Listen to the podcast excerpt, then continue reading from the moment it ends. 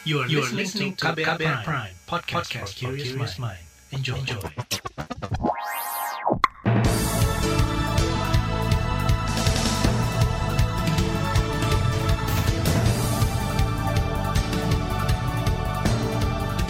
Anda mendengarkan Buletin Pagi hari ini, edisi 4 Agustus 2021 yang dipersembahkan oleh kantor berita radio saya, Reski Mesanto.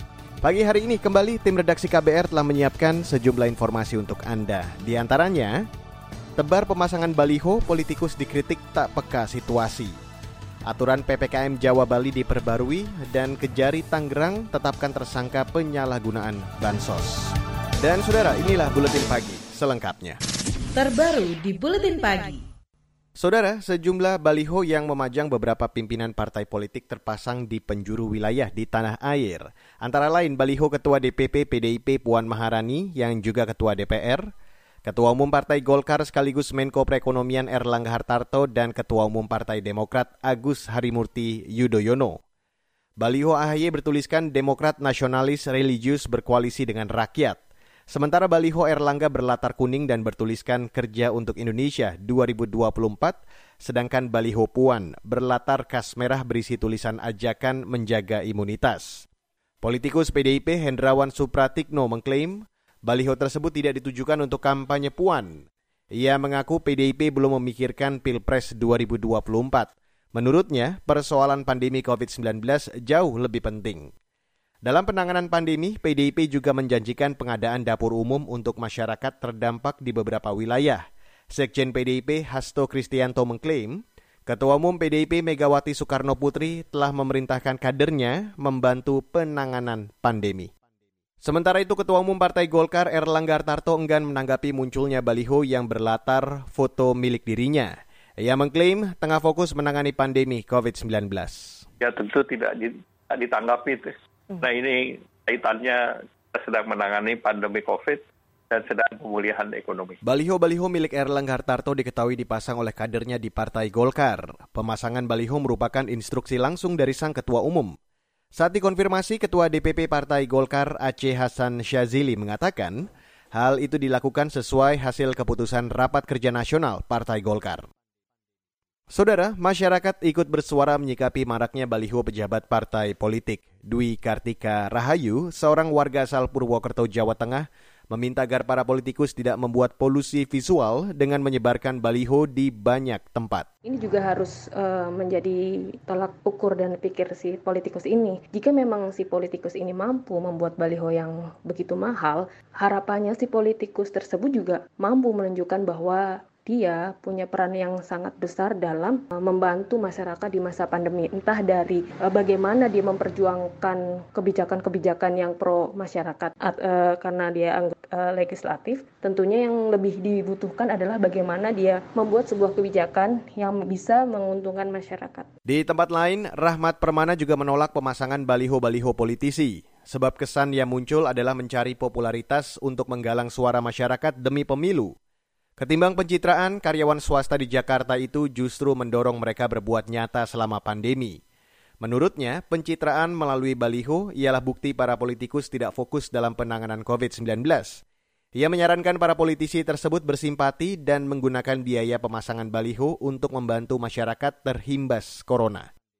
Sementara itu, saudara, Komite Pemilih Indonesia atau TEPI menyoroti beredarnya baliho-baliho besar di sejumlah wilayah di Indonesia – Koordinator TEPI Jerry Sumapo menilai pemasangan baliho partai politik di tengah pandemi COVID-19 adalah perbuatan tidak etis. Terlebih baliho tersebut didominasi wajah elit politik dan pesan layanan kesehatan masyarakat ala kadarnya. Baliho capres yang dimunculkan marak di masa pandemi, bagi saya juga merupakan politik pencitraan partai yang garing ya. Ini secara tidak langsung juga atau secara langsung menunjukkan partai politik itu tidak punya gagasan yang strategis dan konstruktif terhadap uh, bangsa ini. Gitu. Tujuannya tidak untuk kehidupan kebangsaan yang makin baik ya, tapi uh, tujuannya adalah supaya uh, partai ini menang atau orang ini bisa menjadi entah presiden atau pemimpin. Koordinator TEPI Jerry Sumapo mengusulkan para elit politik memanfaatkan situasi saat ini dengan menawarkan gagasan penanganan COVID-19. Sebab metode pemasangan baliho membuat masyarakat antipati terhadap partai politik tertentu. Selain minim gagasan, baliho dengan konsep foto figur sebagai tampilan utama tidak membantu masyarakat mengenali lebih jauh sosok tersebut. Pada kesempatan sama, peneliti Formapi Lucius Karus juga menyayangkan sikap sejumlah tokoh partai politik yang memanfaatkan situasi pandemi untuk mensosialisasikan sosok elit tertentu. Menurutnya, sejumlah nama dalam baliho tersebut diduga memiliki ambisi politik untuk menduduki jabatan tertentu pada pemilu 2024. Baiklah saudara kita break dulu dan setelah break nanti akan saya hadirkan informasi soal penyelewengan bantuan sosial saat pandemi. Informasi selengkapnya sesaat lagi. Tetaplah di Buletin Pagi. You're listening to KBR Pride, podcast for curious mind. Enjoy!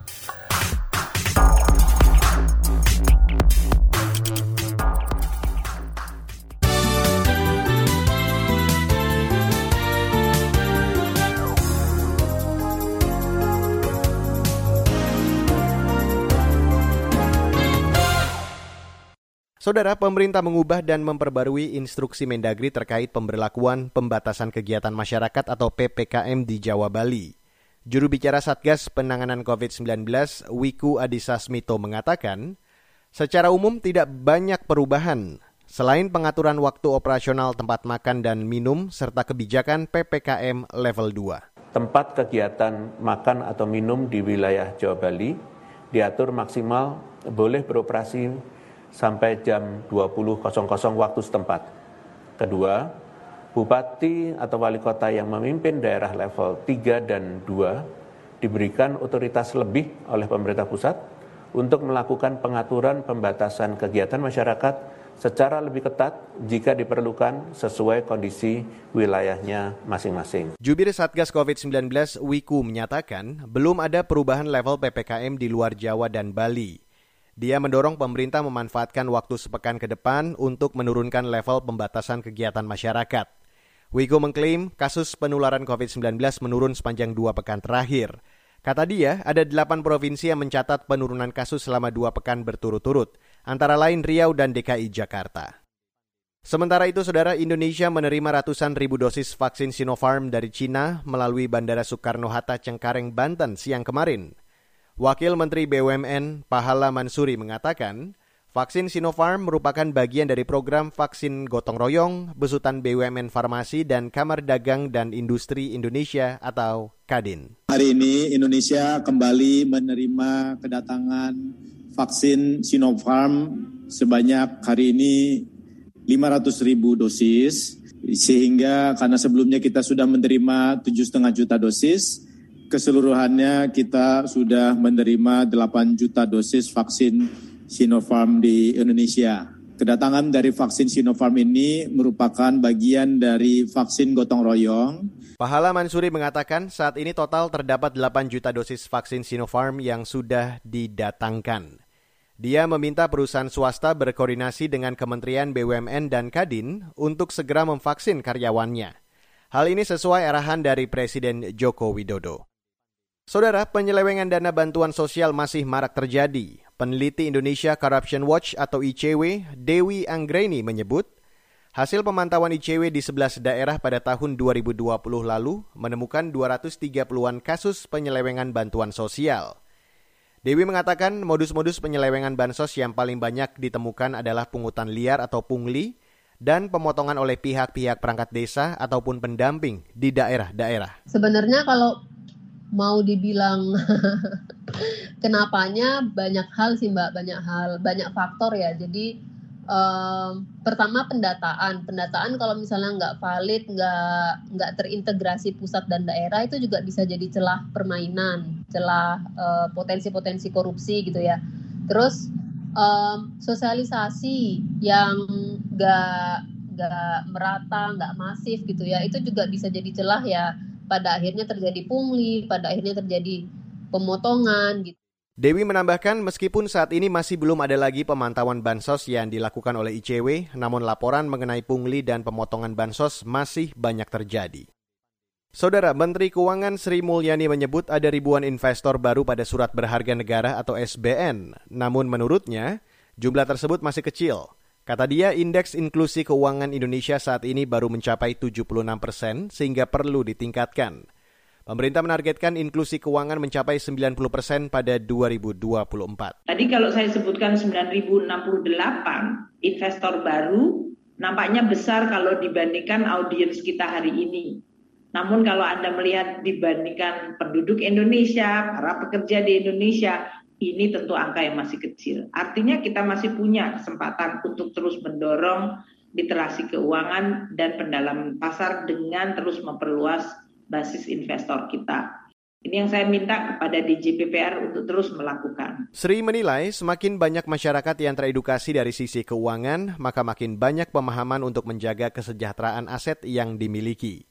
Kata dia, edukasi yang baik membuat masyarakat tak mudah diiming-imingi produk keuangan tak jelas yang bisa mengakibatkan kehilangan aset karena terkena fraud. Baiklah saudara, kita beralih ke berita dari mancanegara. Pihak berwenang di Wuhan, Cina melakukan tes untuk seluruh penduduk usai kembali melaporkan infeksi virus corona. Kasus tersebut merupakan penularan COVID-19 pertama dalam setahun. Mengutip AFP, pejabat senior Wuhan Li Tao dalam konferensi pers selasa kemarin mengatakan, pemerintah setempat mengumumkan tujuh kasus corona lokal yang ditemukan di antara pekerja migran di kota itu. Penemuan tersebut memecahkan rekor Wuhan yang selama setahun tak menemukan kasus domestik. Nihilnya kasus di Wuhan lantaran Pemkot melakukan penguncian yang ketat pada awal 2020 guna menekan laju penyebaran virus corona. Wuhan menjadi kota pertama yang melaporkan kasus COVID-19 pada November 2019 lalu. Kota itu juga sempat menjadi epicentrum virus corona sebelum meluas seperti sekarang. Namun dengan pembatasan super ketat, Wuhan berhasil meredam virus hingga tak melaporkan kasus dalam kurun waktu satu tahun. Kita beralih ke informasi olahraga, saudara. Dari ajang bulu tangkis, di mana mayoritas pemain-pemain badminton Indonesia tidak mengalami perubahan posisi dalam ranking BWF 2021 terbaru. Termasuk ganda putri Gracia Poli dan Apriani Rahayu yang meraih emas Olimpiade Tokyo 2020. Dalam ranking BWF yang dirilis kemarin, Gracia dan Apriani tetap berada di peringkat ke-6 dunia. Sementara ganda putri Cina peraih perak Chen Qingchen dan Jia Yifan naik satu peringkat ke posisi kedua, menggeser pasangan Jepang Mayu Matsumoto dan Wakana Nagahara. Anthony Ginting peraih medali perunggu juga masih tetap di peringkat kelima, sementara Jonathan Christie masih bertahan di peringkat tujuh dunia di bawah Chen Long. Kevin Sanjaya Sukamulyo dan Marcus Fernaldi Gideon dan Muhammad Hasan serta Hendra Setiawan masih berada di posisi 1 dan 2 di sektor ganda putra. Kedua andalan Indonesia itu dibuntuti peraih emas Olimpiade, Li Yang dan Wang Chilin.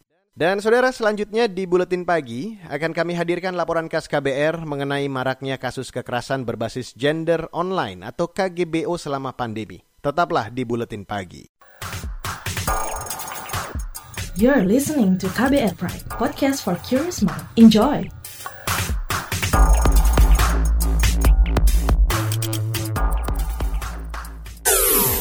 Commercial break. Hmm, saya heran kenapa dagangan Bulastri selalu laris manis ya? Jangan-jangan dia pakai penglaris nih. Ah, masa iya sih? Ah, saya samperin aja kali ya.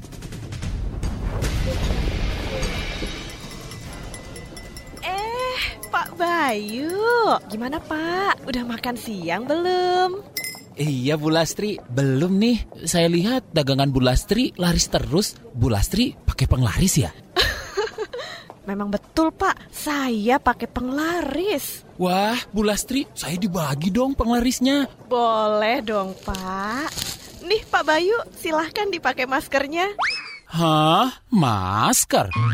Betul Pak Bayu, masker ini yang membuat dagangan saya laris manis sekarang. Karena pembeli merasa aman beli kue-kue saya. Selain itu juga melindungi saya terpapar virus. Karena kan kita ketemu banyak orang. Dan saya juga nggak pernah lepas sekalipun selama berjualan. Dicoba deh Pak Bayu. Laris dagangannya, lari virusnya. Pesan layanan masyarakat ini dipersembahkan KBR, inspiratif, terpercaya.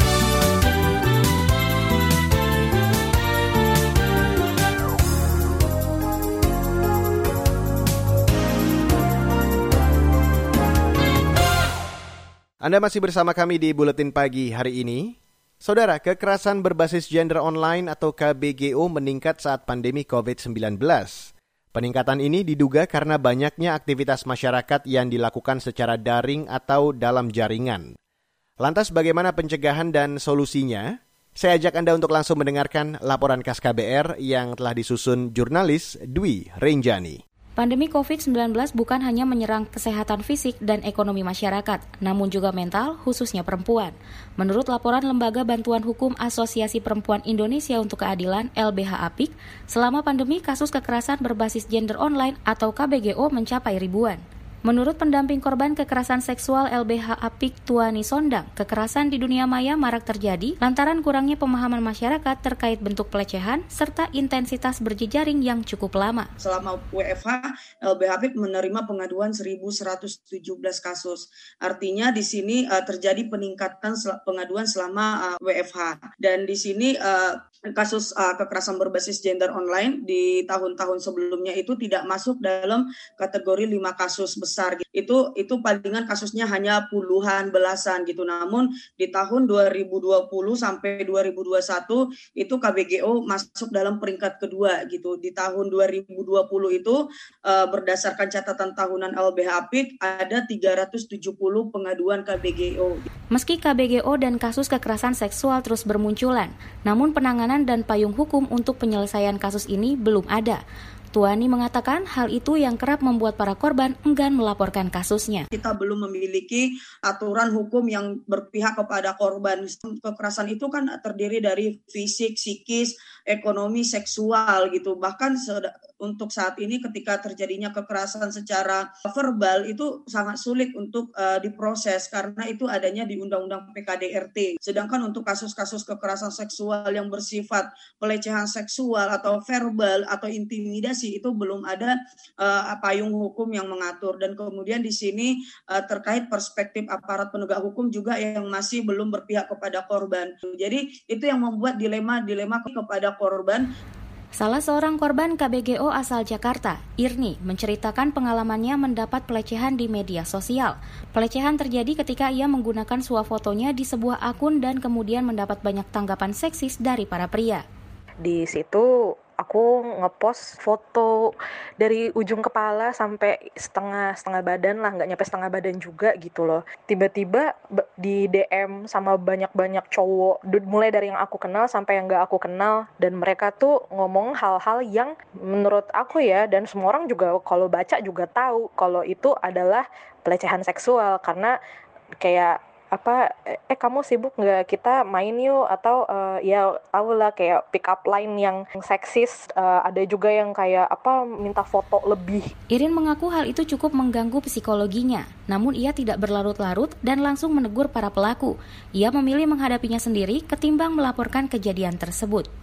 Orang-orang itu aku tegur keras, lalu aku blok dan aku warning sama teman-teman yang temenan sama mereka. Jadi biar tahu kalau ini nih pelaku-pelaku pelecehan seksual ini nih yang harus diwaspadai dan kalau misalnya bisa ya udahlah biar teman-teman circle aja yang menilai aja mereka tuh kayak begini loh yang penting udah udah tahu sifat jeleknya kayak begini. Mungkin jatuhnya kayak apa kena sanksi moral kali ya.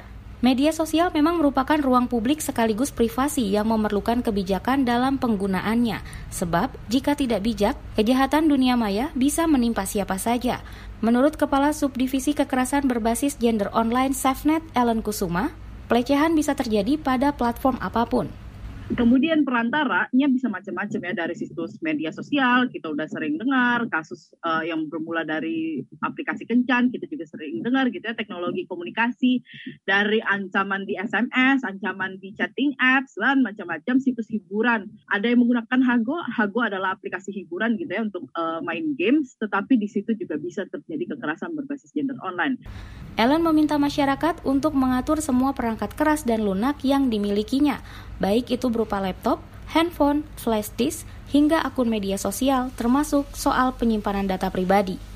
Data pribadi kita ketika sudah dipegang oleh orang lain, maka kalau orang lain tersebut kita atau menggunakan data pribadi kita secara sewenang-wenang, tubuh kita juga yang akan merasakan konsekuensinya. Jadi kalau kita hanya berpikir, ah cuma data KTP, ah cuma nomor handphone, berbagai macam bentuk atau format data pribadi kita, kita akan terjebak pada itu cuma data. Padahal kalau data itu diapa-apain orang, kita yang akan merasakan konsekuensinya. Maka saya ingin teman-teman juga mengubah pola pikirnya bahwa itu nggak sekedar data pribadi, tapi itu adalah tubuh digital kita. Karena itu adalah ekstensi atau perpanjangan dari tubuh kita yang di dunia nyata. Demikian laporan khas KBR, saya Dwi Renjani. Dan di bagian akhir dari buletin pagi hari ini akan kami hadirkan informasi dari berbagai daerah di Indonesia. Tetaplah bersama kami. You're listening to KBR Pride, podcast for curious mind. Enjoy!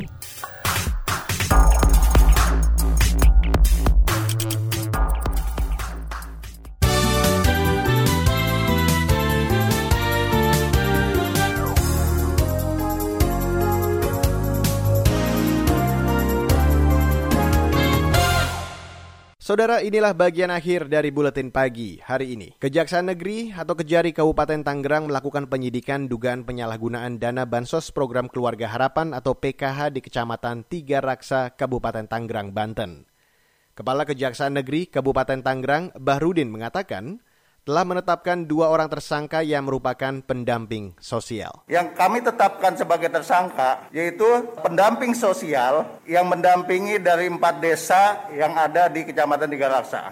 Adapun teknik atau kerugian yang di uang yang tidak disalurkan itu itu sebesar untuk dua, empat desa ini untuk kedua tersangka ini itu sekitar 800 juta. Bahrudin mengatakan Kejari Kabupaten Tangerang masih melakukan penyidikan lanjutan. Dia mengungkapkan masih ada delapan pendamping sosial di Kecamatan Tiga Raksa yang akan diperiksa.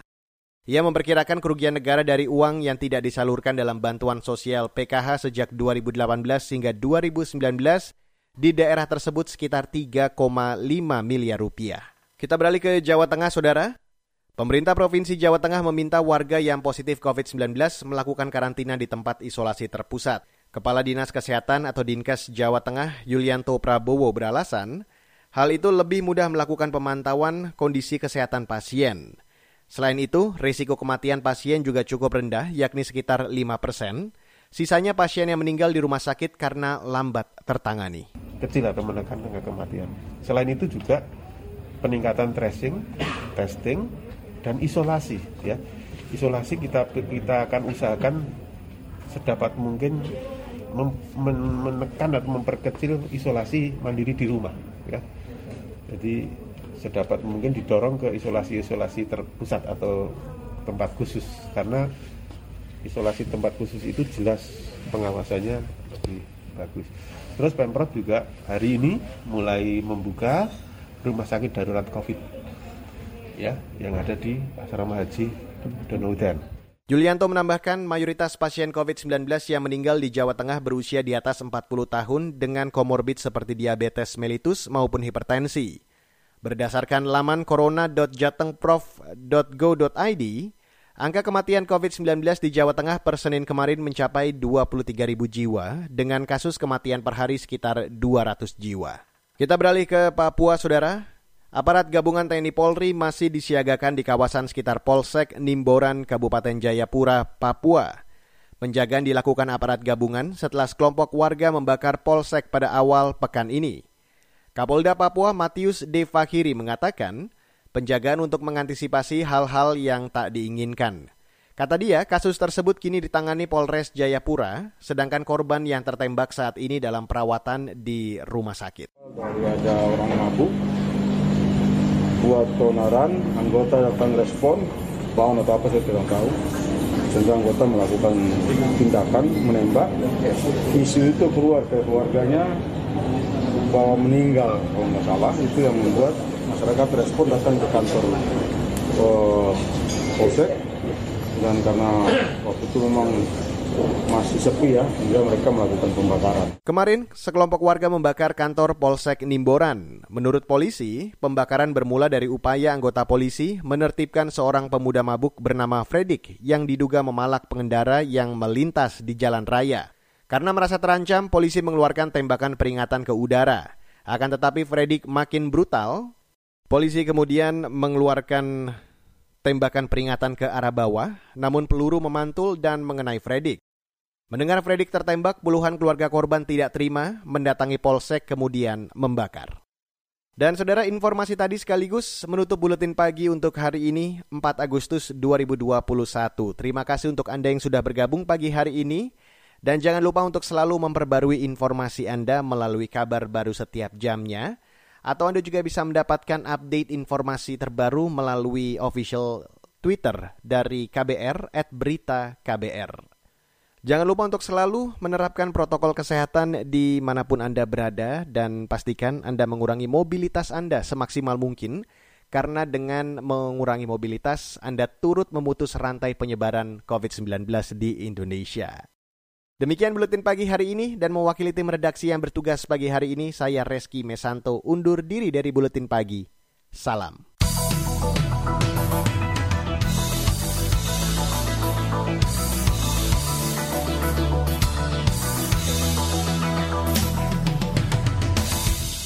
KBR Prime, cara asik mendengar berita. KBR Prime, podcast for curious mind.